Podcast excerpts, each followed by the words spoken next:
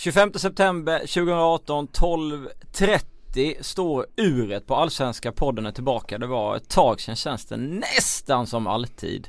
Men eh, skönt att sitta här igen. Eh, Frida Faglund som vanligt. Välkommen. Tack så mycket. Ett eller fem plus? Eh, alltid två. Alltid två. Godkänt då alltså. Ja. Kom ihåg det ni som läser betygen på Sportbladet att det är godkänt. Tre är bra. Och sen kom back Robert Laul. Ja. Välkommen. Tackar. Hur mår du? Ja alltså jag vaknade i morse av att eh, kändiskatten Svea spydde i mitt eh, sovrum. Oj. Sen när jag skulle gå upp och torka upp det så upptäckte jag att hon hade spytt två gånger så jag trampade en av spyorna. Sen slog jag på nätet och insåg att landet inte har någon statsminister längre. och sen har jag hankat mig hit med en eh, kort parkeringstid så att så det, kan väl egentligen bara bli bättre. Ja, det, men du sitter ju ändå med Batman t-shirt. Jajamän, den ja. är alltid på. Du känner att du vill ha den i ryggen när du För går? Fan. Känner att du är lite Eh, lite starkare av den. Vi har fått in en hel del frågor ser jag på, på Twitter. Folk tycker att det är kul att du är tillbaka Laul och sen det ja, högst, in... till, högst tillfälligt dock får man väl säga. Ja men man vet aldrig. Det kan bli, det kan bli fler gånger. Ja det är en engångsföreteelse. det sa du förra året.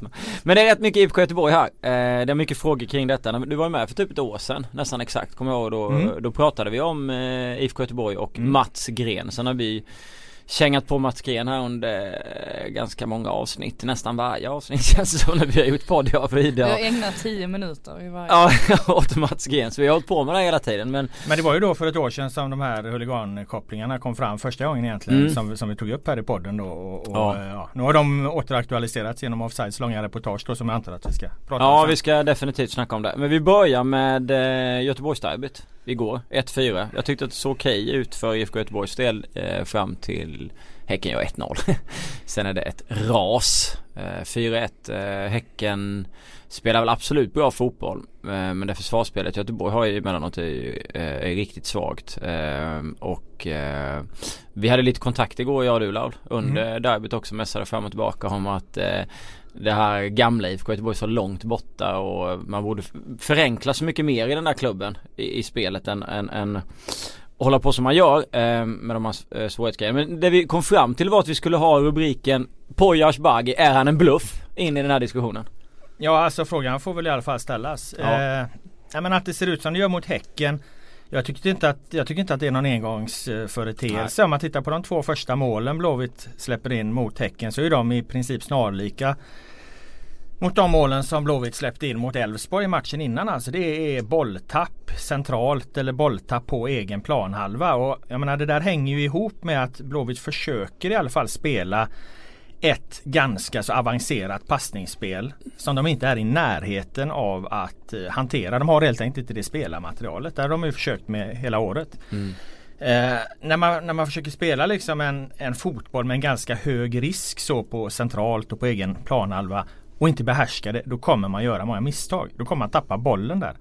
Och när man tappar bollen där, ja då ställs backlinjen inför svåra situationer. Det är inte så jävla lätt att försvara eh, för backlinjen när till exempel Häcken eller Elfsborg vinner bollen i så fördelaktiga lägen. Då ser backlinjen väldigt dålig ut. Mm. Jag tycker inte att det är IFK Göteborgs backlinje egentligen som är så dålig utan det här är liksom ett taktiskt haveri. Det är en taktik som inte fungerar. Man spelar på en, en för för hög, man försöker nå en för hög kvalitetsnivå som man inte behärskar och därför hamnar man ideligen i de här svåra situationerna. Så det blir en orättvis kritik mot backlinje och målvakt tidigare då. Med, Medan liksom grunden till att det här hela tiden upprepas då är att man har en tränare som, som sätter en fel taktik. Men det menar jag inte att Poya Asbaghi nödvändigtvis är en dålig tränare. Nej, men hans fotboll är inte anpassad för, att den, för den trupp IFK Göteborg och det måste, det tycker jag man som tränare måste kunna se. I det här läget så måste man bara slå lite längre bollar så man kommer över motståndarlagets tidiga press. Men där har man en ensam Robin Söder på topp då och Söder är ju ingen nia. Han kan inte ta in de här bollarna. Nej. Han tappar ju dem hela tiden. Och, och, och, då liksom för att, för att få ihop det spelet då behöver man ju ha två anfallare som kan understödja varandra och, och hjälpa varandra och få fast bollen. Det, det är ju någonstans där IFK Göteborgs analys måste landa för att man har inte spelartruppen som kan spela den här fina fotbollen i de trånga lägena och få fast bollen på offensiv plan. Utan man kommer fortsätta att bli straffad och straffad och straffad och förlora matcher och matcher. Om man inte får in spelare centralt i, i banan, ytterbackar som behärskar det spelet. Men de spelarna kostar ganska mycket pengar. Och Blåvitt har inte de pengarna.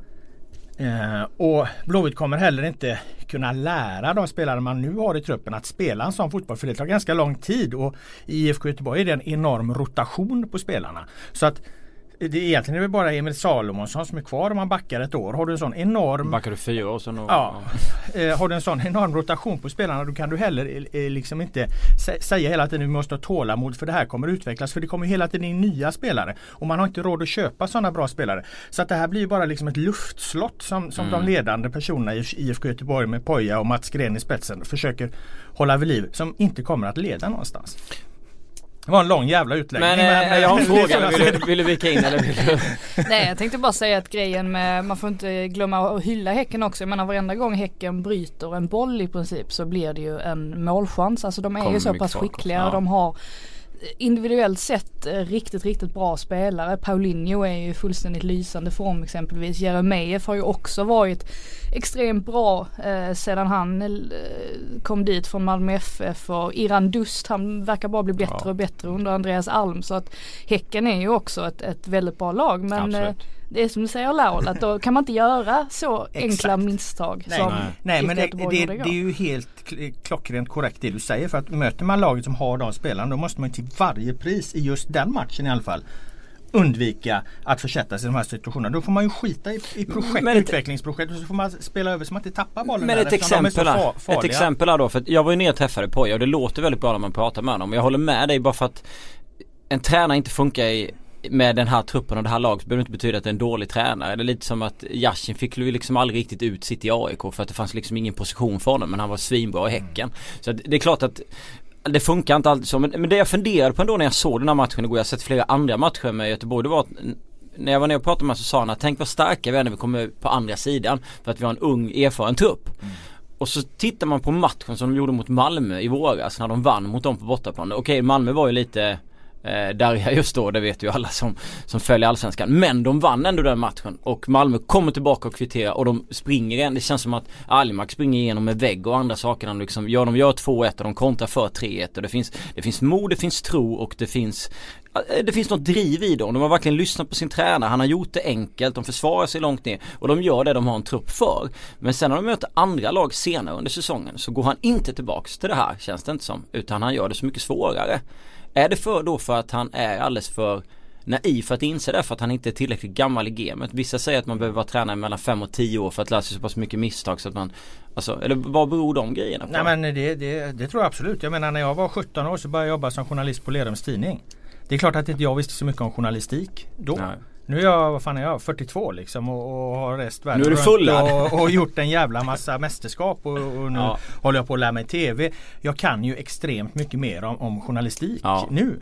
Ja. Eh, på samma sätt är det med, med, med Poja och alla andra fotbollstränare. Alltså det är ju ett erfarenhetsyrke. Ja. Jag menar Oscar Tabares han, han ledde Uruguay här i, i, under VM på kryckor för fan. 71 år gammal. Det är klart mm. som fan att han kan mycket fotboll.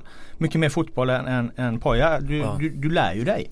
Eh, och Poja har ju inte varit i, i, i den här situationen tidigare och jag tror att han har en en övertro och han har väl också någonstans ett mandat ovanifrån från, mm. från Gren då som ju är den mm. ansvarig för det sportsliga och, och, och, har ju en stor makt i IFK Göteborg. Och han har väl just också ett mandat att driva det här projektet överordnat resultaten. Det är en jävligt farlig väg. Jag menar hur många poäng i IFK Göteborg från, från nedflyttning? Det är, det är en extremt farlig väg. Jag, jag undrar om de liksom har, har satt sig ner och funderat på konsekvenserna om IFK Göteborg skulle åka ur Allsvenskan. Det tror jag inte de har. Nej det verkar ju inte så. Alltså, eftersom det här projektet då i deras retorik ges som överordnad betydelse hela tiden. Annars skulle man gjort precis som Frida sa mot Häcken. Man vet hur skickliga Irandust och, och Paulinho och alla de här. Vi kan inte hålla på att tappa boll på egen plan. Vi måste i den här ja, matchen i alla fall ja. sätta den långa. Det är ju enkelt. Men det var ju det, de gjorde, det det jag menade. Det gjorde de ju mot Malmö i våras. Men nu helt plötsligt ska de göra något annat längre in på säsongen. Trots att de har tappat matcher och fått fler mentala smällar. Så försöker man, alltså, Men är det inte helt enkelt att man slits mellan det här att man, man är fortfarande en stor klubb och man måste värna om, om den stämpeln samtidigt som man ska plocka poäng. Alltså det blir ganska splittrat i det här fallet. För att att man kanske inte har den spelartruppen som du säger som kan behärska 3-5-2 till exempel. Men vilken väg ska man då gå? Ska man bli det laget som, som bara liksom eh, siktar på att ta poäng, alltså spela en säker eh, fotboll, så här riskminimering 4-4-2 eller vilken väg ska man gå? Alltså den, den dagen du avviker helt från, mm. från den vägen också där du vill liksom utveckla någonting och sådär då har du också förlorat. På jo men så, så, diskuterar ju många då att man säger att det antingen är det liksom ett 4-4-2 med långa bollar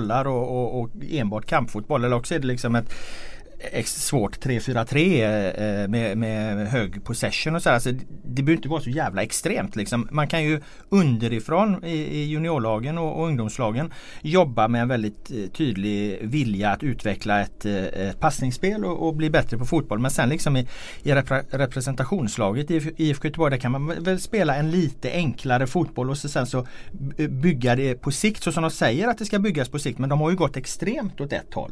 Eh, det finns ju en mellanväg vad fan Barcelona spelar väl 4-4-2. Det är väl ingen tråkig fotboll. Jag menar lagen Nej. i fotbolls-VM lirar väl 4-4-2 många av dem som, som gick långt. Sverige gick långt i fotbolls-VM med 4-4-2. Alltså 4-4-2 har ju blivit liksom någon slags symbol för en enbart en destruktiv fotboll. Det går ju att spela en fantastisk fotboll med 4-4-2. Den, den, stora skillnaden på ett 4-4-2 egentligen det är ju bara att du har eller fördelen det är att du har två anfallare så att om du inte har så himla skickliga passningsspelare så blir det lättare att få fast bollen på offensiv planhalva för de här två anfallarna kan hjälpa varandra. Har du bara en anfallare där uppe, ja du måste du ha mycket högre eh, kvalitet på de centrala eh, passningsspelarna i mitten så att, de liksom, så att de kan spela sig framåt. Det är ju egentligen den stora skillnaden på de här spelsystemen. Så det innebär inte alls att, att 4-4-2 måste vara trubbigt och bara kamp och brottarfotboll och att det andra är någon fantastisk jävla fotboll. Liksom. Det, det, det funkar absolut, inte nej, så. absolut inte. Men det var ingen kritik ska... mot dig utan det var kritik mot eh, diskussionen ja. i IFK Göteborg. Men ska Blåvitt vara ett sånt lag som i varenda match lämnar över bollen till, till andra laget och, och står lågt och inväntar. Alltså,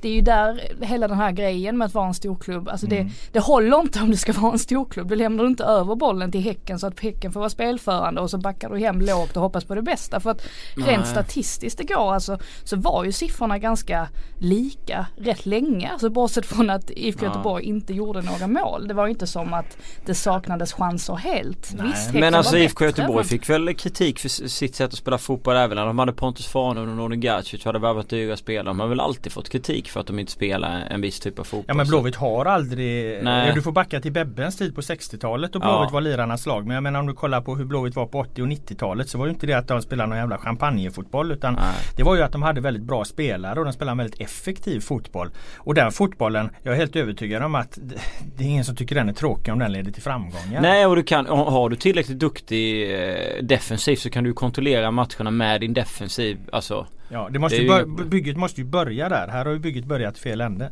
Ja.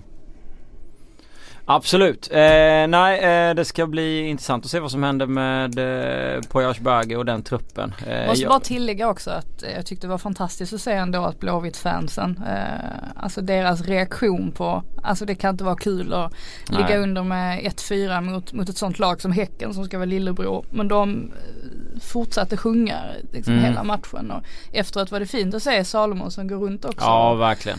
Han står ju eh, verkligen. Bli omklappad i princip. Ja. Det visar ju ändå att eh, Ja, jag vet inte, det var, det var vackert att se för nu gäller det ju att hålla ihop. Lite. Ja men den, det är ju sensationellt. Eh, jag menar när, när, när storklubbar har sån här kräftgång så, så, så brukar det vara ett jävla liv, mm. destruktivt liv på läktaren. Det har det ju faktiskt inte varit i, i Blåvitt utan eh, de här liksom fansen eh, sjunger ju med samma styrka match efter match. Och, och, ja, det är ändå liksom en positiv attityd på läktaren. Det, det är ju nästan unikt mm. i, för, för en sån klubb. Det, det, är ju fantastiskt. De, de ska ju ha all, all heder. De har ju liksom varit de har ju varit överlägset bäst i IFK Göteborg den här säsongen. Eh, till skillnad då tycker jag från personerna på, på, på ledande positioner, eh, Gren och Poja. Medan spelarna har väl någonstans liksom försökt göra det de kan. Liksom. Jag har ingen stor kritik mot, mot spelartruppen eller någon av spelarna utan de, de är ju offer för omständigheterna snarare än, än något annat. Jag tycker Emil skötte sig skitbra med. Det var inne på det. Eh, även intervjuerna i, i och sen det, eh, Amos, ny, nye keepern där kan jag absolut inte lastas för någonting heller ja, vad ska han, han göra? Ja, jag tycker han gör en eh, bra match sett till att det var hans första och, och sådär. Och, um, det är inga lätta lägen han hamnar i. Uh, Nej men vad fan titta på är det Häckens eh, de, de, andra två målen som Häcken gör. Det är en fast situation och, och du har inga Blåvitt-spelare på Nej, alltså första det är uset, ytan. Det är uset och jag menar, ja, IFK, jag menar alla som såg fotbolls-VM de fick ju åtminstone en påminnelse om hur extremt viktiga fasta situationer ja. är i fotbolls-VM. Blåvitt har släppt in enormt många mål på, på fasta situationer. Man har släppt in fyra mål mot Sirius på fasta situationer som kostade 6 poäng totalt. Eh, och, och, här släpper man in till en extremt billig fast situation. Det räcker ju en gubbe där så det är ingen målchans.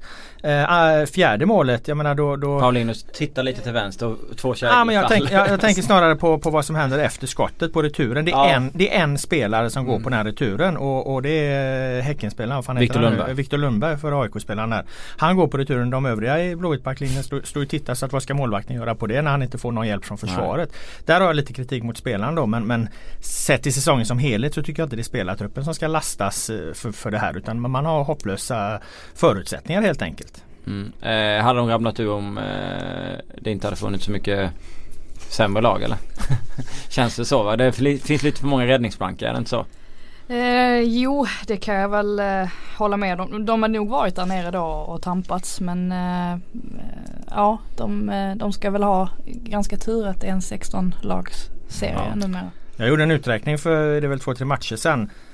Kommer inte ihåg den exakt i huvudet men där kom jag fram till att eh, IFK Göteborg med, med liksom ett annat spelsätt. Ett, ett spelsätt som mer hade utgått från, från försvarsspel, eh, defensiva fasta och sådana grejer. Det hade haft åtminstone 10 poäng mer tror jag kom fram till. Och eh, adderar man på Elfsborgsmatchen som de inte ska eh, kryssa hemma utan den hade de vunnit med ett normalt försvarsspel. Så, så har vi ännu fler poäng. Så jag menar, jag tror att IFK Göteborg med, med, en, med en mer erfaren eh, tränare som har varit i den här situationen tidigare som satt en tydligare spelidé från början eh, eller en mer kompatibel spelidé från början. Ja då hade IFK Göteborg legat någonstans i mitten av, av den här allsvenskan. Truppen är inte så dålig att den ska ligga eh, nere i botten och skvalpa.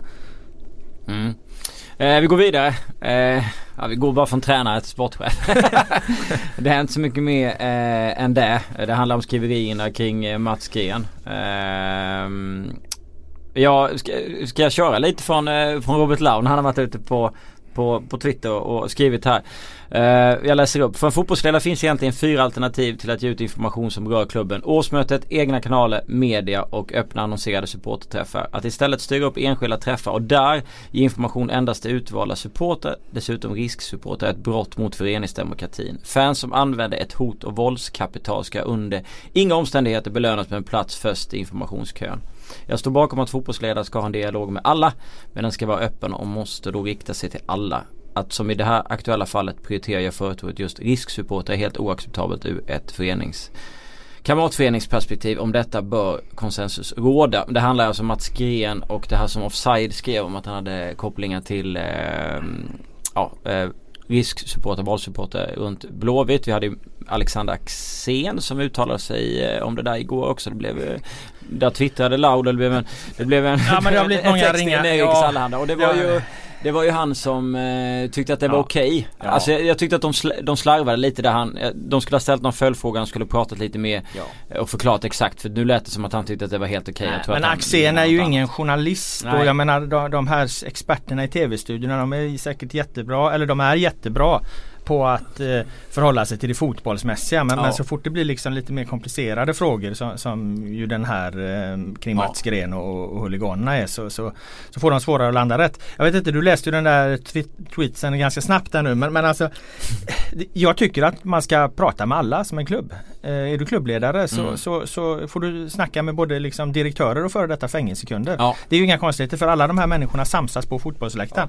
Men, men du måste ju göra det lika för alla. Har du något att säga då kallar du till en supporterträff eller du tar det på årsmötet. Du informerar i samband med, med matcher eller du pratar om det i media så att eh, samma information går ut till, till alla. Mm. Och har man till exempel något att säga till supportrarna Ja då kallar man till en supporterträff och så eh, informerar man vad det är. Här skulle IFK Göteborg göra en, en värvning av, Gustav Engvall, en kontroversiell värvning. Varför går Mats Gren till eh, våldshuliganerna och varför går han inte till supporterklubben Änglarna? Kan någon förklara det för mig? Alltså, hur kan man välja att gå till de som har skaffat sig en position genom ett, ett hot och ett våldskapital istället för en seriös fungerande jättefin och bra supporterklubb eh, som Änglarna liksom. Om, om man nu ska välja ut den som ska gå före i kön. Man ska väl liksom inte legitimera och, och, och bekräfta den typen av supportrar genom liksom att ge dem första eh, king och få ta en diskussion öga mot öga kring huruvida en spelare ska värvas eller inte. Alltså då ger man ju dem en jättelegitimitet. Det är klart att de tycker det är fantastiskt. Ja, det är ju, alltså Wiseman älskar ju att de får sitta i, i det sammanhanget. Att de ges det förtroendet, att de får det inflytandet. Mm. Här, här skulle man sen kalla till en supporterträff, bjudit in alla supportergrupper, gjort det öppet. Mm. Eller så skulle han helt enkelt skrivit på hemsidan. Nu ska vi värva Gustav Engvall. Vi förutsätter att alla blåvita stöttar honom och sen är den saken över. Ja. Sen ska ju inga supportrar liksom för den skull bränna sönder bilar eller eh, hota familjemedlemmar eller vad det nu var Axén. Det måste ju räcka med, med, med att kommunicera ja, ut det. Liksom. Ja, eller om det då är ett väldigt känsligt läge Samla alla supportergrupper, gör det öppet. Ge inte förtur åt, åt risksupportrarna. Det är där som är min kritik. Nu handlar det om någon diskussion att de här försvarar sig med att ja, men man måste kunna prata med alla. Ja, det är ingen som har sagt något annat heller. Det är Nej. klart man kan prata med alla men man ska inte just prata med risksupportrarna. Nej. Nej, Eller håller du med? Nej men jag håller med. För att, exakt, jag förstår vad du menar för att nu de, Laxén är inne på det också. Det är så han pratar om att man ska prata med alla. Men, men, men den största kritiken är att du, du ger makt eller vikt till en viss grupp ja. och inte alla grupper. Och det, det, det, det är det som är folk, Ja det är det som är problemet. De har ju en till exempel supporterklubben ja, Änglarna. Men folk verkar inte riktigt eh, förstå den biten när man står och uttalar sig om det i Nej. vissa fall. Jag tycker också att det är, är, är, är eh, oerhört märkligt. Och när, när vi har pratat om Mats Gren och suttit och liksom snackat om vad är det han har, vi eh, snacka om vad är det han har på någon som gör att han fortfarande är kvar. Mm. Men, men här känns det som att det är ganska självklart varför ja, du får han är kvar. Ja, indirekt ja det, det, får han ju och det, det är för jävligt rent ut sagt om det ska påverka det sportsliga. Då undrar man ju liksom de här supporterna då som ger honom makten till att sitta där. Förstår de inte vad det är som håller på att hända med, med deras förening? Och Mats och alla andra som sitter i styrelsen, varför har de inte lite mod och karaktär och gör någonting åt den här situationen? Det kan inte hålla på som det gör nu. En före detta, snart före detta storklubb låter det se ut som det gör med en sportchef på det här sättet. För mig är det helt... Eh, Nej men klarar man inte att driva ja. en, en, eh, en fotbollsklubb utan att ge förtur och vara tvungen att skaffa, skaffa sig stöd från den här typen av sport. Då är man inte en tillräckligt stark ledare. Då ska man inte vara i en fotbollsklubb. Om man inte Nej. klarar liksom att att ha ett rättvist förhållningssätt till, till alla supportrar utan att man, man måste liksom skaffa sig eh, förtroendekapital ho, hos de här grupperingarna som kan vara väldigt jobbiga att ha respekt för eller ha efter sig. Jag har respekt mm. för det. Jag förstår det att det är jobbigt att vara fotbollsledare ja. och, och, få de här, här emot sig. Men om man inte klarar det då ska man inte vara klubbledare. Inte Så enkelt det är, är det lite, Det är lite 51% regelns eh, baksida på något sätt att eh, alltså det här, det här händer ju inte i en klubb i England till exempel. För att de, de ägarna där och, och klubbdirektörer och sånt de sitter så säkert för att det, det, har i alla fall inte att göra med vad supportrarna tycker. Och det Kolla måste Mike vara, Ashley. ja, han, har, han har hållit sig kvar Dra i hundra år liksom fortfarande Precis. Eh, men sen så förstår jag ju också att man vill ha dialoger med alla supporterfalanger. Herregud, alltså det, vi kan ju stå ibland på träningar och så efter träningarna om det är en klubb i kris så, så ser man någon person som man vet kommer från en lite mer extrem supporterfalang som vill snacka med tränare tränare och sådär. Så att det är ju inget märkligt att det, just Nej. där sker en dialog. Men det är som ni säger ju att det, det är ju lite fel när man bara eh, pratar med just den grupperingen och, och, inte med alla. Det är, ju, det är ju där problematiken ligger det i precis, det här såklart. Precis där eh, problematiken ligger och det är jävligt viktigt det du säger för jag menar 51 regeln och för föreningsdemokratin den är ju, är ju något jävligt bra, något jävligt vackert och som liksom Sverige eh, borde sprida över fotbollsvärlden. För det är egentligen mycket bättre eh, att eh, fotbollen är organiserad på det sättet som den är i Sverige jämfört med hur den är organiserad i till exempel England som du nämnde. Men då är det också jävligt viktigt att, att det råder klara skott här. Det får som i Blåvitts fall nu inte uppstå tveksamheter eller frågetecken kring vilka är det som bestämmer. Är det medlemmarna eller är det en huliganfalang? Mm. Det måste vara vattentäta skott. Det här måste vara principiellt. Man kan aldrig oavsett vad det gäller för fråga fråga enbart gå till en huligangrupp. Även om det finns massa skäl för att det kanske skulle kunna vara bra i just det här enskilda eh, Gustav Engvall fallet så måste det vara principiellt för att det får inte råda några tveksamheter för att då, då river man hela balansen kring just 51 systemet som vi har. Mm. Med det sagt så tycker jag ju att Mats Gren borde eh, Alltså han borde inte försvinna baserat på just den här grejen egentligen utan det ska ju vara på sportsliga ja, grunder först ja, och främst för att ja. där har han ju inte eh, levererat, levererat på väldigt väldigt länge. Eh, så att på det Hattam sättet Hattam Alesami levererade han. Sen var det inte så mycket mer. Eh, men jag läste ju ganska snabbt från din eh, Laul men eh, vill man engagera sig mycket i den här så kan man ju följa med på din tweet tweet, tweet, dina tweets. För det, det finns så, ingen som är så engagerad i den här frågan som Robert Laul. Eh, känns inte som. Men det, det jag tycker också man ska komma ihåg här. Det, vi riktar mycket kritik mot eh, Mats Gren absolut. Vi har pratat om Poya Asbaghi. Men det här ligger också i grunden i IFK, IFK Göteborg. Det finns ju folk som kan välja att göra sig av med Mats Gren. Och det, det är väl där också det är svagt ledarskap. De, det är inte så att de står på sig liksom för nej. klubbens bästa kan man ju tycka. Ja eller nej eller vad man ska säga. Så många av dem är ganska nytillträdda. Jag menar klubbdirektören Max Markusson som ju verkar vara en kapabel man. Jo. Har ju inte varit på sin post så länge och det är väl kanske naturligt att han det första han gör inte är att sparka sportchefen. Det, det förstår jag liksom. Jag förstår eh, de uttalanden han gör. Jag förstår att han vill liksom göra en noggrann genomlysning av situationen och, och jag sitter ju inte heller och säger att Mats Green måste avgå på stående fot. Liksom. Jag menar spela klart den här säsongen, fokusera på, på att rädda kontraktet. Eh, alla måste göra sitt för, för, för, att eh, rädda det här kontraktet och sen kan man bara titta på de organisatoriska bitarna. Det är klart att Marcusson och, och klubbdirektören och styrelsen måste ha liksom någon form av, av förberedelse för att göra ett skifte på, på sportchefspositionen. Och kanske tränarpositionen också, det får man väl se. Men, men det kan de jobba med, med, parallellt här nu men jag förstår att man liksom inte i det här läget nu bara nu ska han sparkas och, och, och nu ska han sparkas utan det, det, tar man efter säsongen. Därför är det, tycker jag det är lite för, jag, jag, jag förstår vad du menar när du säger att det är svagt ledarskap och så här, men jag tycker lite för tidigt att väcka den frågan att även bara dundra mot marknaden och mot styrelsen. Än så länge har jag Vi satt ju och pratade om det för ett år sedan att vi tyckte att han skulle bort. Och då jo men då fanns alltså, ju inte ens den här klubbdirektören Nej men det plats, fanns ju någon liksom. annan som satt där då. Och, och, styr, och styrelsen hade knappt eh, tagit över då mig veterligen. Mm. Men, men absolut, det här var ett bra läge att, att göra sig av med Gren eh, förra, eh, transfer, eller förra, inför förra mm. säsongen. Men det gjorde man ju inte utan man gav ju honom ytterligare en chans då med det här nya projektet och, och det har inte gått så bra. Två frågor. Jag ska ställa en och sen ska jag ta någon därifrån. Vem ska ta över som sportchef? um. ja men Tobbe, Tobbe Hussein ska väl lägga av nu. Mm.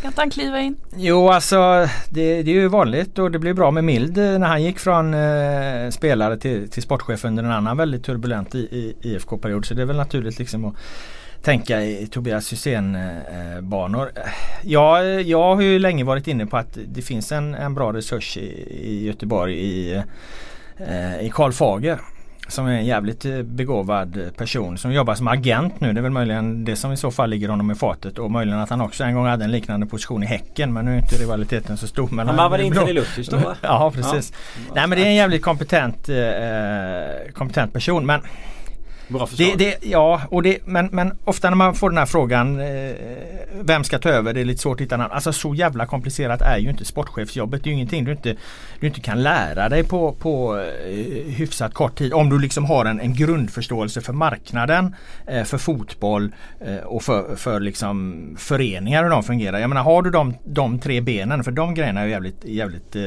eh, svåra. Sen liksom och, med ekonomin och, och sätta sig in i de bitarna bitarna och bygga upp ett agentkontaktnätverk. Jag menar det, det tror inte jag är så jävla komplicerat. Eller det vet jag för jag har ju följt fotboll i, i 20 år. Jag vet att det inte är så komplicerat. Jag har ju suttit och förhandlat med sportchefer som aktiv spelare också.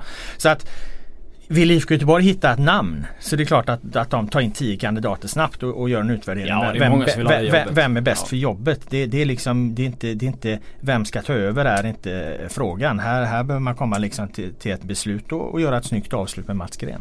Jag håller mig också till en före detta spelare. Tobias Hysén eller, eller Fager funkar också för den delen. Jonas Henriksson eller, eller, eller någon sån. För att jag tror att då kan man också få hem eh, det kapitalet som man behöver i spelare som har varit där tidigare som kan tänka sig vända hem. Under den sportchefen som är nu så tror jag inte någon av dem kommer komma hem. Vill man ha det så så är ju ja. Svennis det ultimata namnet för att ja, han skulle ju sannerligen skapa en helt ny, eh, ny, ny bild av ah, Blåvitt. Ja jag hade nog hellre sett i Tobias men, men då är det väl frågan liksom hur, om, ha, jag menar ska du vara sportchef? Det absolut viktigaste skulle jag säga det är att lägga tid. Det, det är fan inga, det är inget 9 5 yrke utan det här är det här är 80 timmars veckor snackar vi om. Det är ju för fan mer jobb än att vara journalist. Så att mm. Eh, du ska kunna lägga tiden. Jag vet inte fan eh, med, med, med, min invändning mot Svennis är inte hans ålder eller någonting. Det är hans pengasug. Nej det, ja, det är möjligt. Nej, det är möjligt men det är snarare har ha, ha Svennis en 80 timmars vecka i sig eh, året runt här nu de närmsta tre åren. Det, där är väl till och med jag själv lite tveksam mot min egen idé som jag lyfte i en krönika en gång. Eh, Hugo Molander frågar också, eh, bör Poja gå? Ja, ja, jag tror att det... Jag tror att är det inte jag? Ja, jag tror så här. Eh, om, man, om man tittar på det på lite sikt. Jag, jag vill inte ställa mig upp och säga att Poya Asbaghi måste få sparken för att han är en dålig fotbollstränare. Jag tror att han är en jättebra fotbollstränare. Ja. Det här har inte blivit riktigt rätt. Jag tror, tar man in en ny sportchef som man ju kommer göra förr eller senare. Så kommer den sportchefen vilja eh, sätta sin eh, tränare. Ungefär mm. som vi hade en situation i Hammarby här nu för ett tag sedan. Den här dansk, ja, dansken ja. fick gå och, ja, och Jesper Jansson kom in och, och mm. ville sätta sin tränare. Väl, det brukar ofta vara så. Så att jag tror att eh, när Blåvitt eh, skaffar en ny sportchef, vilket de kommer göra förr eller senare, så, så kommer förmodligen eh, även Poja att eh, lämna förr eller senare. Mm. Jag tänkte precis säga detsamma. Man kan ju antingen välja att sportchefen blir den som är lite mer framstående i en klubb eller så är det tränaren. Och jag menar både i, alltså i Djurgården och AIK, eh, Hammarby, där är ju sportchefen eh, över tränaren. Eh, det är mm. så i MFF också. Och det funkar ju bra i deras fall liksom. Eh, så att skulle det vara så att det kommer in en sportchef som vill styra eh, i princip allt så, så lär väl han antagligen välja om Poja då är, är den rätta vägen eller om han vill köra på någonting annat som mm. det brukar vara. Jag tror inte att de äh, ändrar innan säsongen är slut. Nej nej det kommer de inte Jag tycker inte att de ska göra det här. Nej, det jag, jag, jag tror att Poja kommer ha lärt sig jättemycket av den här situationen. Mm. Han har ju, kommer ju då verkligen stor nytta i sin tränarkarriär av den tiden i IFK Jag tror att det kommer gå Men det, det som blir med Poja är ju att han, Poja, han gick ju in med, med en så pass hög svansföring kring det här nya ändå. Nu har han ju fått lite fått backa på vissa jo, delar. Han absolut. har ju tagit bort sin trebackslinje och, och ersatt med en fyrbackslinje. Han har ju pratat om att centralt sett så är det lika många mittbackar. Ja jag vet, jag vet. Men, men, men det är, liksom, jo absolut men det är också för att han ska slippa få den här diskussionen som jag till exempel för nu då att du ändå tog bort din trebackslinje och kör med en fyrbackslinje. Han, han vill ju liksom skydda sig mot att han har ändrat sig men det är klart som fan att han har ändrat. Det är en stor skillnad att spela med en trebackslinje. Du för ju den diskussionen eh, hårdast i hela ja. Ja, fyrbackslinjen och det är i grunden bra. Den fyrbackslinjen skulle satts från början givetvis. Eh, men, men, men du tappar liksom också någonstans eh, lite av din auktoritet när du går in så tydligt på någonting och sen så börjar du ändra det och nu kanske han snart spelar med två forwards här för, för att rädda kontraktet och då har vi ett 4-4-2 det som han sa att han aldrig skulle spela. typ. Eh, och, och, att sen ytterligare en gång börja om igen. Jag vet inte. Jag, mm. Ibland blir det bara fel fastän man ja, är en bra kompetent person. Absolut. Sen är det oerhört svårt också när det, när det ändras så pass mycket som du var inne på innan när det gäller spelare. Med spelarna. Ja, ja, verkligen. Ja. Afane kom in och det kändes som att Okej okay, han värvades som fjärde femte alternativ från AIK.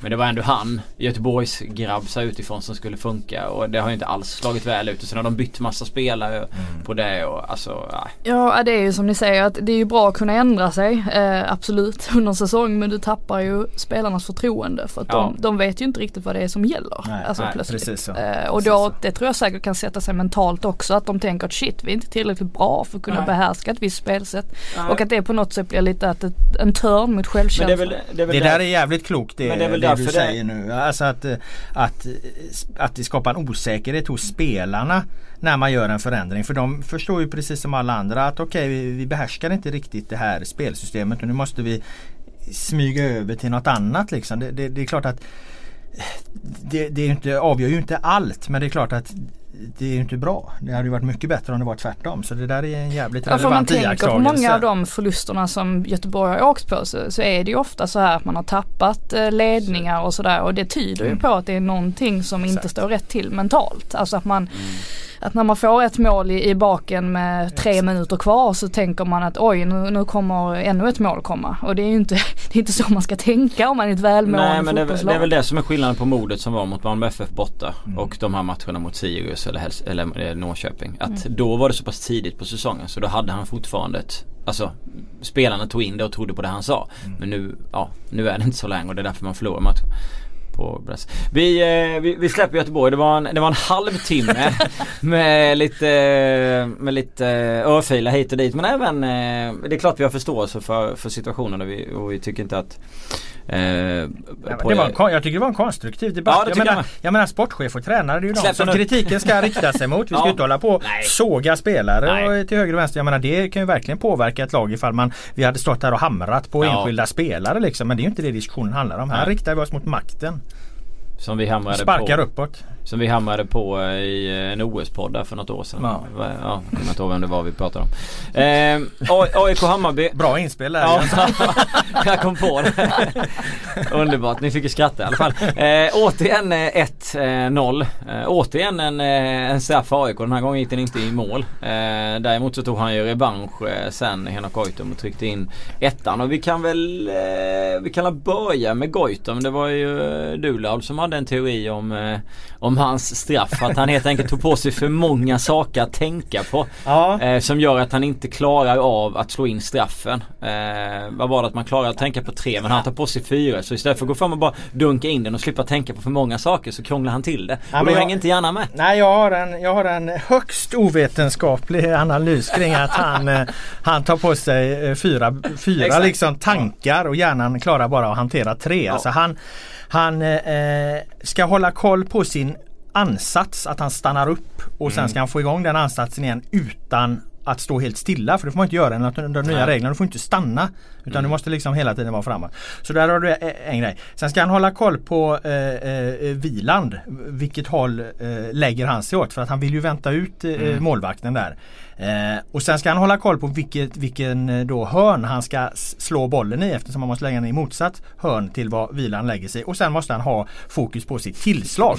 och eh, där kommer den fjärde grejen in, tillslaget och han träffar ju bollen på knölen. Så att han klarar alltså eh, att, att utföra liksom tre tankar klarar han att hålla i huvudet samtidigt. Men på den fjärde tillslaget blir det fel. Då träffar bollen på knölen istället och då viker den sig för långt ut, mm. utanför målet. Det är nog ja, jag har ingen aning om det är så men, men, när jag såg den straffen så tänkte jag bara fan vad många liksom moment han har i sitt huvud när han går fram hit nu. Han har så många moment så att det blir ett moment för mycket.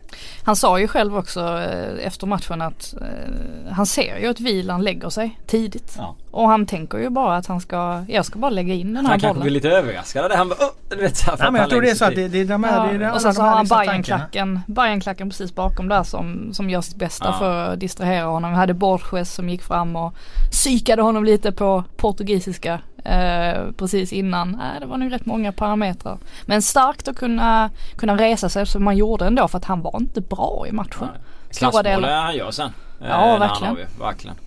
Det är ju riktigt fint. Just det här kunna ta sig, han sa ju det också att det enda han sprang och tänkte på under matchens gång det var, han hörde inte publiken, han, han tänkte inte på de andra spelarna. Det enda han fokuserade på var att försöka tänka positivt hela tiden och försöka ta sig ur den här negativa tankebanan som började komma. Men han, han var ju bättre efter missen.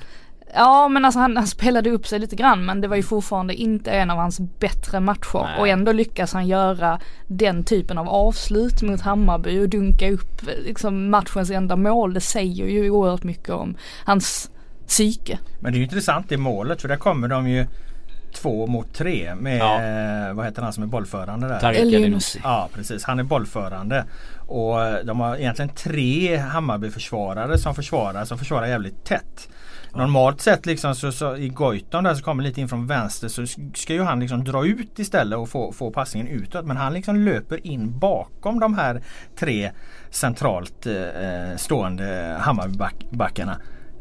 Det blev en jävla liksom udda utväxling på det anfallet och, och, och det ställde ju uppenbarligen Hammarbys försvarare helt för att han blev ju helt, helt totalt fri där. Mm. Och sen i avslutet som ni säger det, det Där tänkte han bara på en sak. Jag ska dra bollen rakt upp ja. i närmsta krysset och då sitter den ju där också. Men, men, men det, det, är ett, det, är ett, intressant för, förlopp till att han får det här friläget. Att han liksom löper in bakom de tre. Det är lite ovanligt. Normalt sett drar man sig som sagt utåt till vänster som anfallare. anfallare. Men han är ju högerfotad så att han vill ju ha bollen hellre till höger och då gör mm. han den luriga löpningen istället. Mm. Det, det derbyt visar också vilken trygghet AIK har. Eh, de bryr sig inte så mycket om att, att Hammarby har boll och Hammarby trull, trummar på och sådär. Det, det, spelar liksom ingen roll för dem om, de, om det står 60-40 i bollen för att de vet att de kan försvara. De vet att de kommer få möjligheter. Ja, och, de, och sen när de väl får det så liksom, ja. De vet att de har sån jävla hög individuell skicklighet. Ja. Och det är precis det här med jag beskriver i målet där. Att det där är ju liksom resultatet av en två spelares extrema individuella skicklighet. För de kommer i en ganska udda situation och de väljer en helt udda lösning just för att de är extremt begåvade fotbollsspelare. Mm.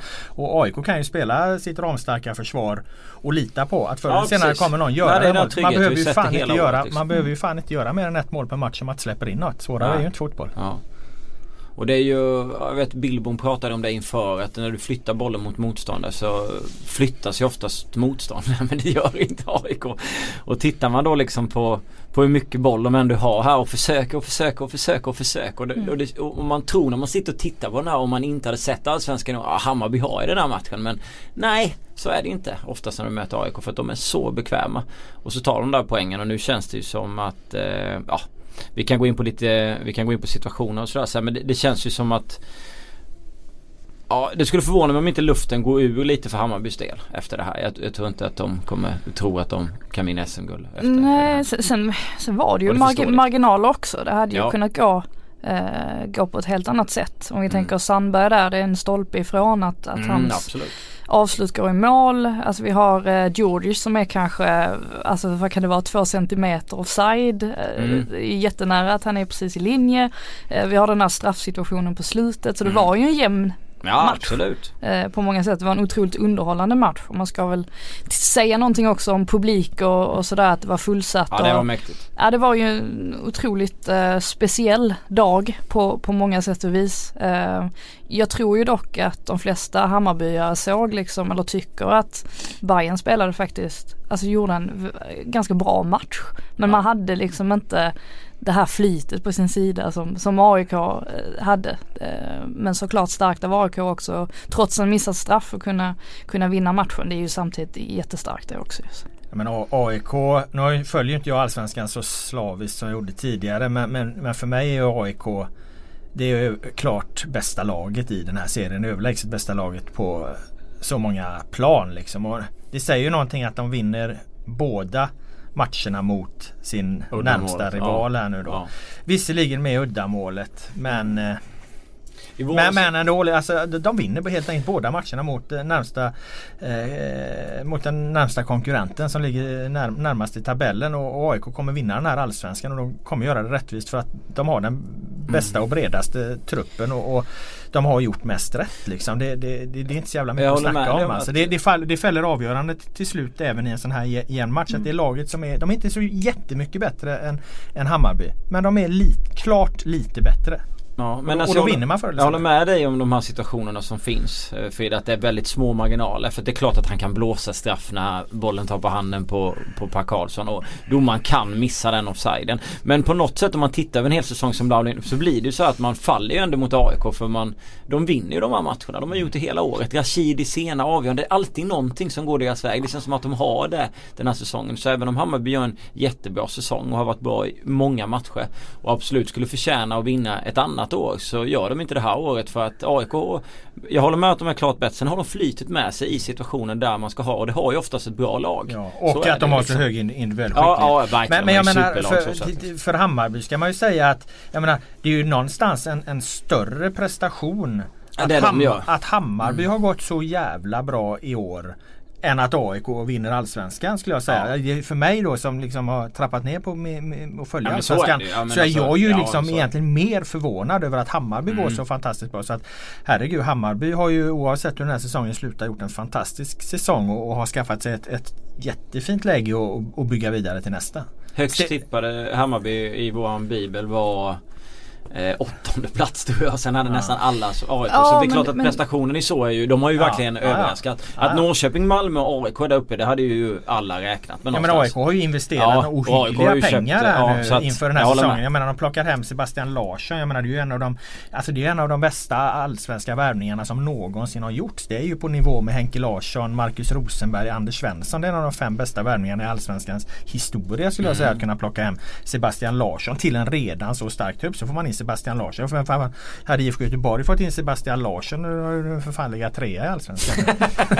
och, och, den gubben tar AIK liksom som redan har en kanontrupp. Det, det, det är klart ja, att man blir bäst då. Men också att de tar och plockar hem en spelare som de faktiskt behöver. Alltså där var ju ändå ett litet tomrum att fylla ja, eftersom att eh, Bahoui lämnade och Yashin mm. lämnade. Alltså, ja. de, de har ju hela tiden sett till att de inte har någon lucka att fylla exempelvis när de får alla de här skadorna på mittbackar tidigt in på säsongen.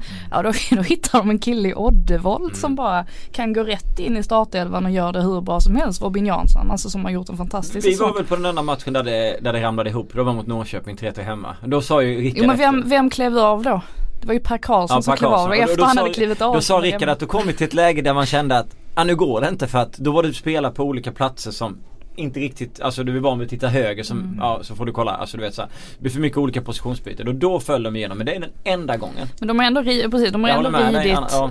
ridit igenom Verkligen. allt det här. Eh, och korsbandsskador mm. och, och, hit och dit och det, det, är ju tack vare deras breda trupp, alltså mm. inte minst. Men det är ju också någonstans att spelarna måste ju känna sig oerhört, oerhört bekväma i det här ja. spelsättet 3-5-2. Alltså de, de är ju, de, de har ju sånt fruktansvärt tålamod och alla vet exakt var de ska vara någonstans och sådär. Och det, det, behöver man ju om man ska hålla hela vägen och vara kontinuerligt bra. Alltså AIK har ju inte varit starka under vårsäsongerna eh, de senaste åren. Helt plötsligt gör de en fantastiskt stark vår och så avslutar de med att som vanligt vara starka på Tänk också hur mycket vi tänkte på Robert Lundströms fina inledning så blev han skadad. Och sen mm. försvann Rasmus Lindqvist. Båda de två är superfina under våren. Och de har ju inte varit med under ganska många matcher. Nu var ju Lindqvist tillbaka så det finns ju jättemycket kapital att ta av. Jo men så plockar de en kille som sitter på bänken i Dalkurd. Alltså ja. Rashidi som går in. Ja, alltså det är, de, allting har ju klaffat egentligen för AIK. Ja, men jag håller med. Det, eh, det har du rätt till med att eh, Hammarby så sett är ju eh,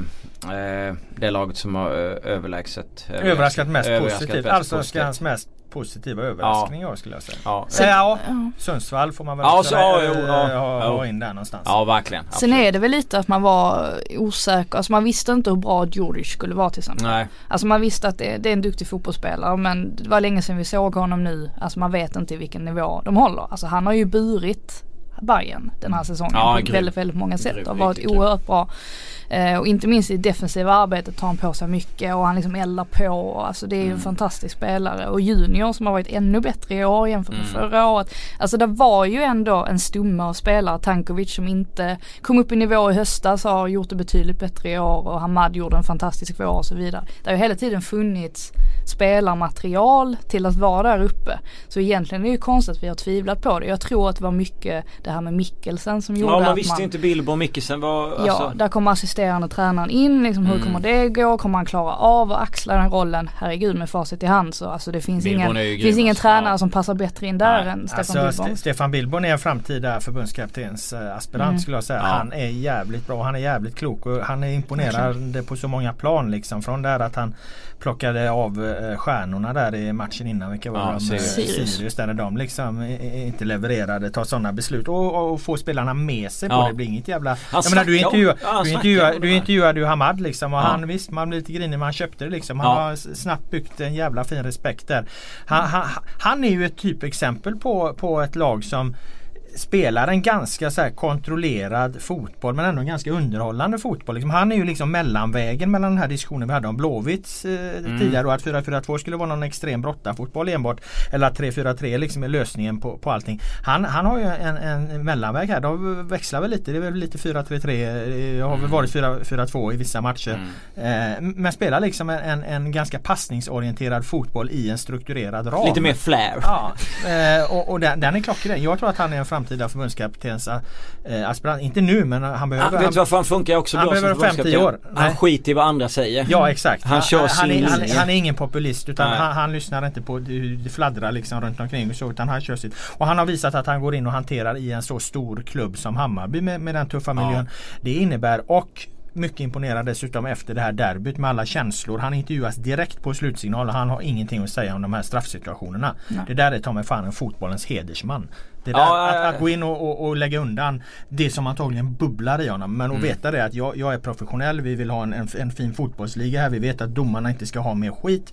Och gå in och, och bara vara helt iskall och, hålla sig till matchanalys. Fastän Axel Pilebyd står där liksom och pepprar med frågor och försöker få, försöker få honom liksom att rasa mot de här situationerna. Nej, han är för stor för det. Han är, han är för god för det. Hans lag har förlorat men han behåller värdigheten. Så att jag är ohyggligt ja, imponerad av Billborn. Jag tyckte också det. Det var lite så när jag åkte ut till den här träningen och ställde en fråga till Hamad och jag pratade med Billborn om det. Jag var ju, ja, alltså jag tänkte ju ändå tanken av att någon skulle kunna, ja du vet så bli lite sur eller inte vilja prata om det. Ja, vi, vi vet ju hur de är ut. lite. Alltså ja. det är ju speciella det är ju speciella spelare i Hammarby som ja. ofta säger exakt vad de tycker. Ja exakt men i vissa kl andra klubbar du åker ut så kan det vara så att när du ställer den frågan till tränaren så vill han inte prata om Nej, det. Men. Billborn drar istället upp exempel vad Gille och Mujo sa till honom. Mm. Och det vet han ju att det här säger han till journalister det här kan jag ju skriva om jag vill och det bryr han sig inte om. Så att de är väldigt, väldigt trygga med varandra. Och det har ju skapat en vinnarkultur när en sån som George, du var inne på det innan, kommit mm. in och, och så är det väldigt raka rör så, att jag tror på sikt kan det bli, bli, eh, bli jättebra. Ja, men, men vet du vad det du säger där? Det är att liksom, jag kommer ihåg det så jävla väl när,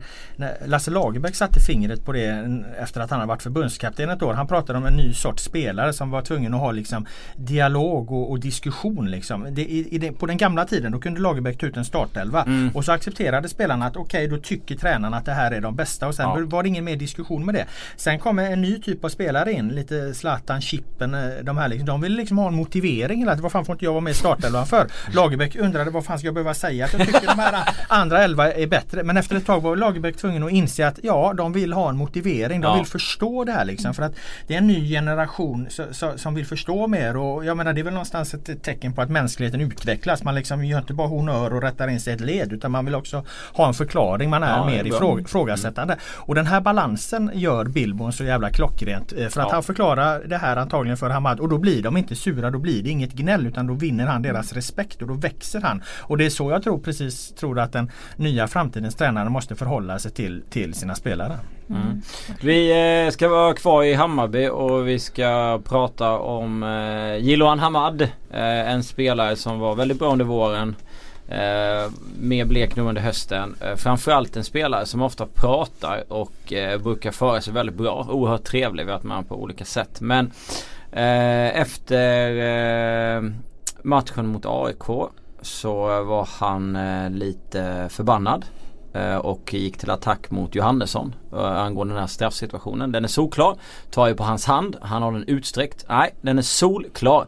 Det är inget att snacka. Domaren sa att han inte såg men jag vet inte. Det är lätt att bara säga så också. Det ska vara straff. Det är dåligt av domarna. Han, Johannesson då, är jävligt snabb att blåsa mot oss. Jag vet inte. Det känns som han har något. Han gillar att dela ut straffar mot oss. Jag tror han njuter av det.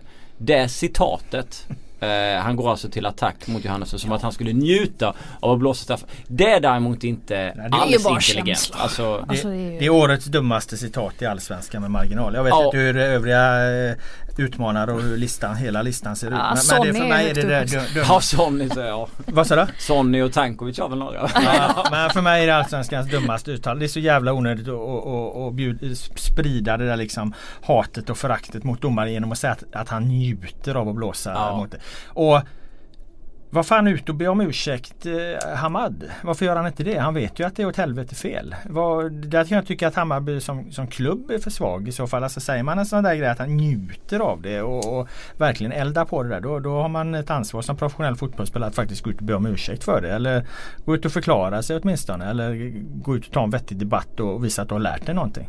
Efter eh, de förlorade mot Djurgården så kommer jag ihåg Johan Bilen stod och snackade om eh, de här avbrotten som var inför matchen. Det är precis som att ja, de vet att det skadar oss. Eh, och så var han inne på att Djurgården klarade avbrottet mycket bättre än Hammarby.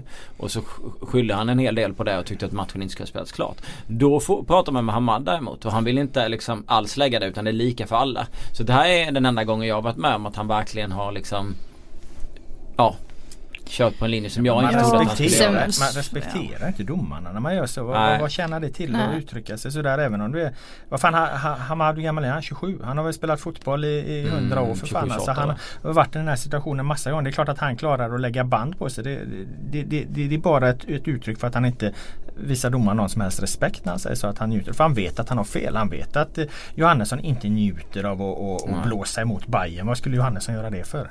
Sen vet vi ju inte om de har pratat med varandra. Alltså utan att vi Nej så kan det vara. Så vet kanske precis har snackat med varandra innan han kom ut. Han är svinförbannad. Han kan inte. Eh, nej men det var ju mycket, det var ju mycket känslor där såklart som, som bubblade upp till ytan. Han är säkert frustrerad på eh, sin egen form också skulle jag tro. Eh, mm. Som ju har eh, dalat lite jämfört med vad vi eh, blev bortskämda med under, under våren och sådär.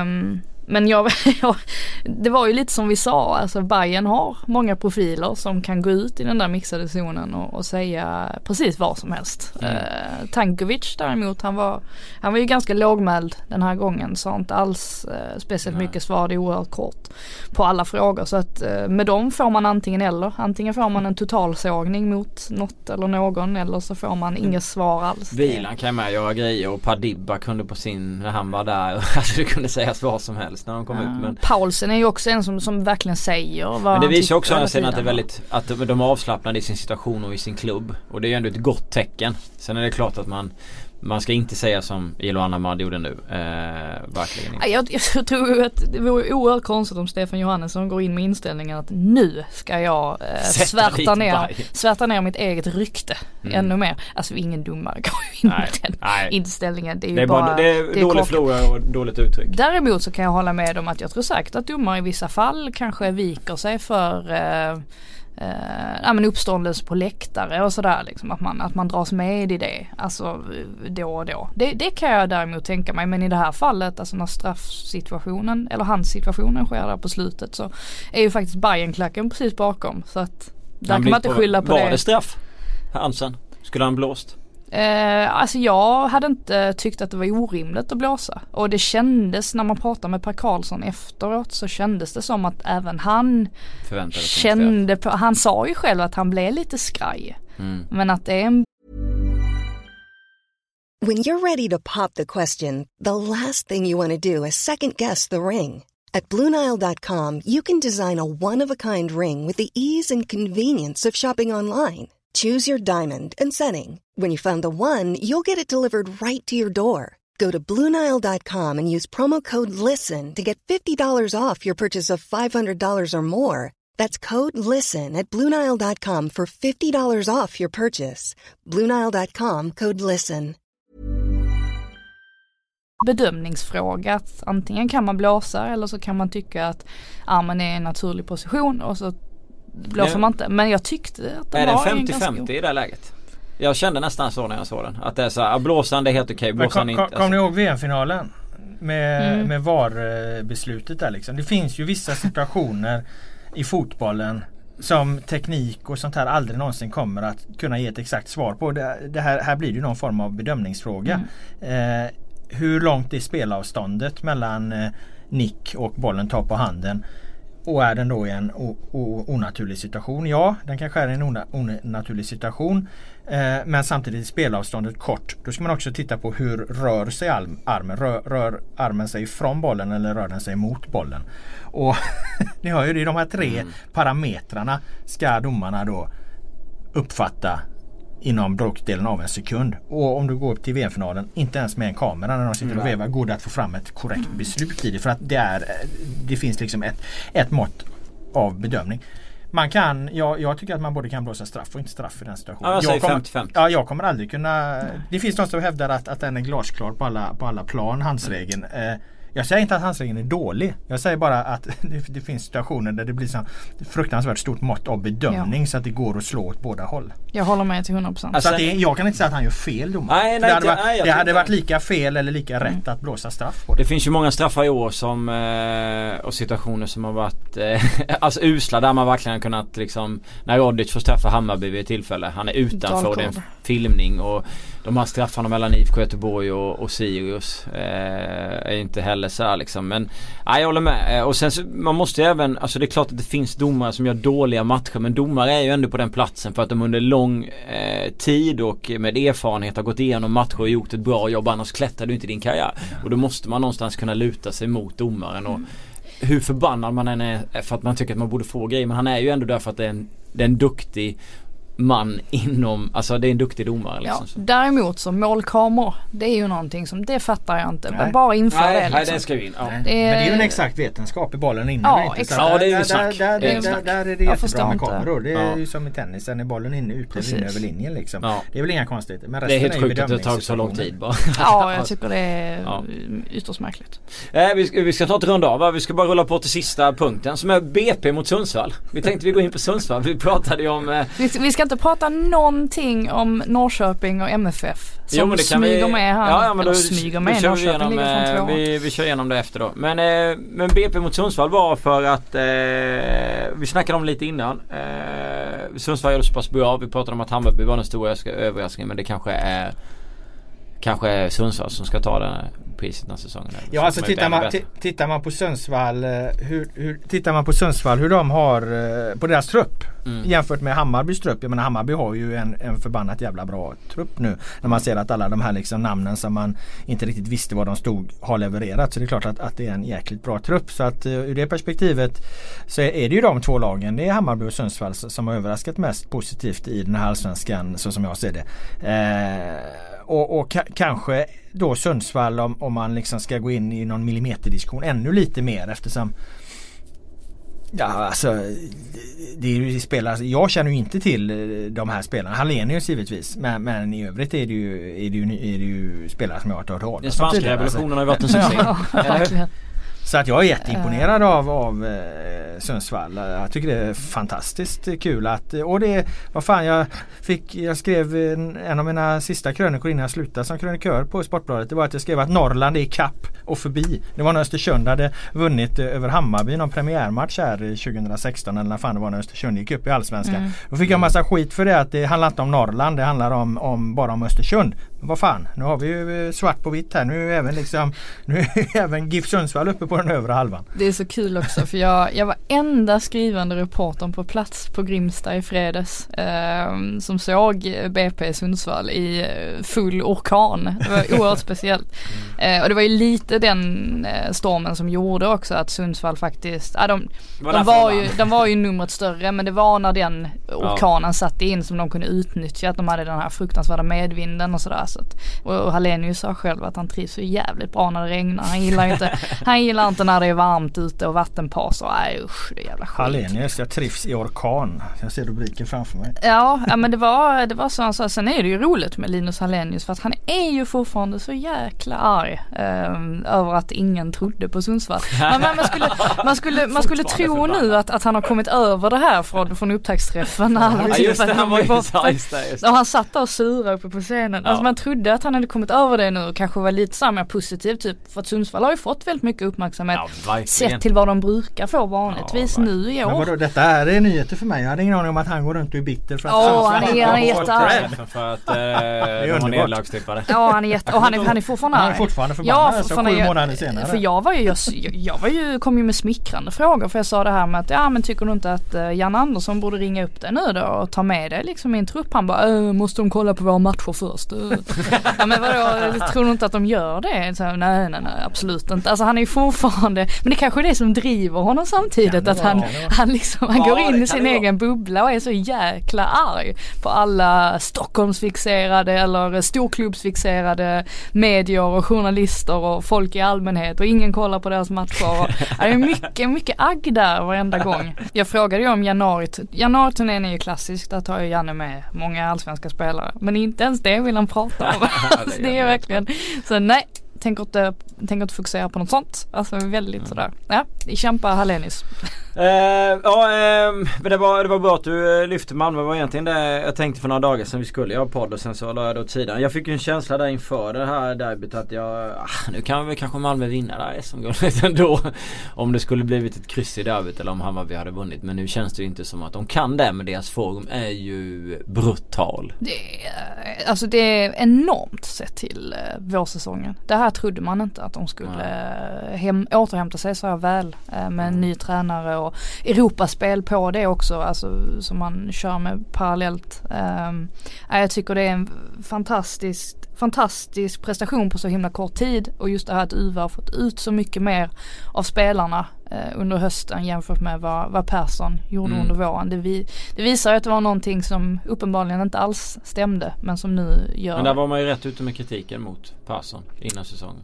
Ja. Det, det fanns ju med i det här laget. Ja och det var väl på sätt och vis bra att man gjorde sig av med honom så pass tidigt. Man hade ju kunnat låta honom eh, få ytterligare mm. en chans. Men eh, efter Trelleborg där så var det droppen och det var nog bra för MFF för då fick man VM-uppehållet där Uwe kom in och så fick han jobba under de veckorna också. Nej, hatten av för att de klättrar med. Nu presterar de ju på en nivå också. Spelar ingen roll om du spelar med Rex eller Trausta eller Gall eller, eller Antonsson eller Rosenberg eller, eller vem det är. Det känns som att målen bara rullar på. Sen så vet jag inte hur illa det var med Johan Dahlin. Ja det var inte så illa. Nej. Det var, det... det... var mest att de ville låta den här nya keepern få lite speltid så som jag fattar okej. Okay. Mm, det var ju ganska klart. Ja, och inte riska. Kalmar har en sida.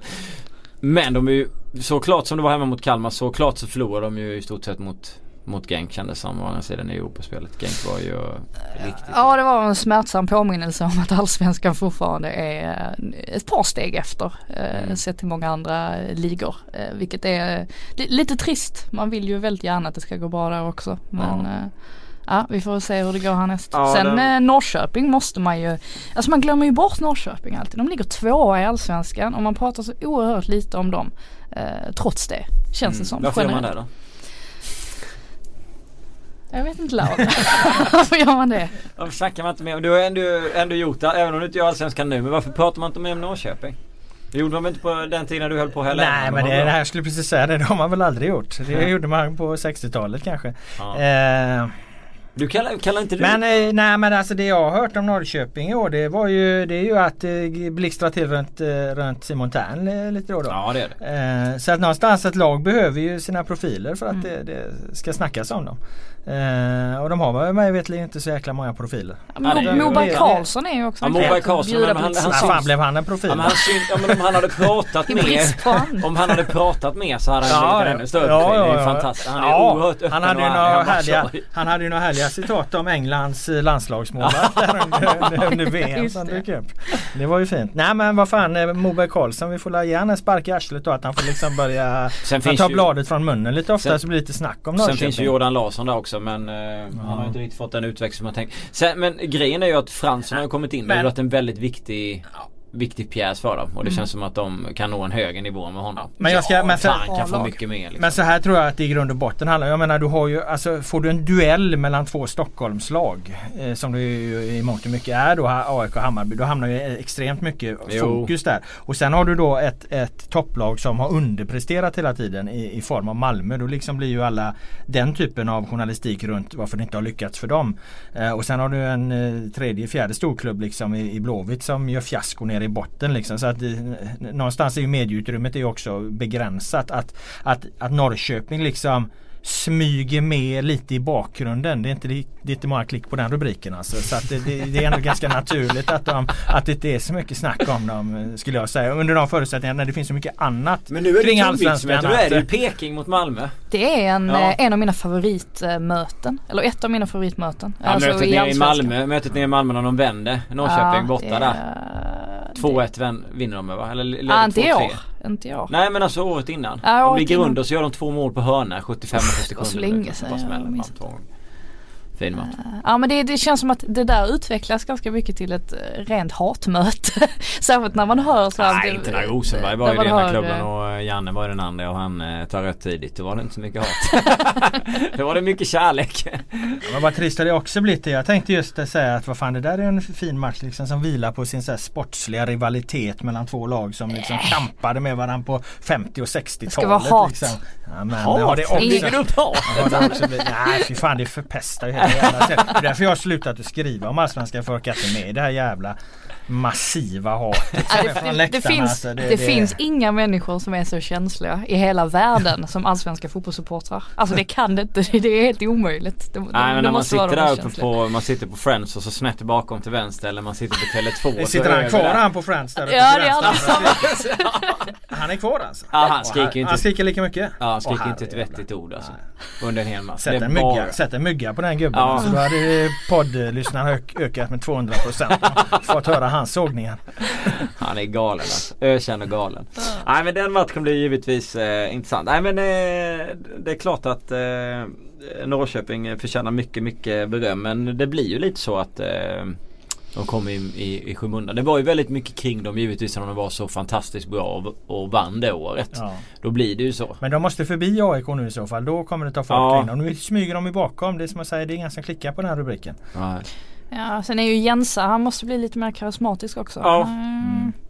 Lite mer så här Stefan Billborn. Janne kunde ju ändå...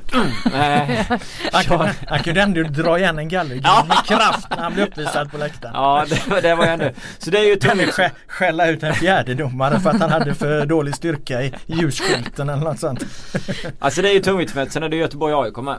Kommer det bli lika smärtsamt för Blåvitts supporter som det blev uppe i, på Friends? Ja fast det får ändå komma ihåg att det var ju den matchen som blev jobbig där för eh, AIK förra hösten. Det var ju då när eh, AIKs enda förlust typ. Nej, de oh, förlorade mot Kalmar också. Ja 21 augusti va? Var det mm. den torskmatchen eller oktober? Eller? Ja det var ju den ja, innan. Blåvitt ja. vann där ja. på Gamla Ullevi mot AIK. De fick ett, det till egentligen? fick ett mål bortdömt ju AIK på, på stopptid.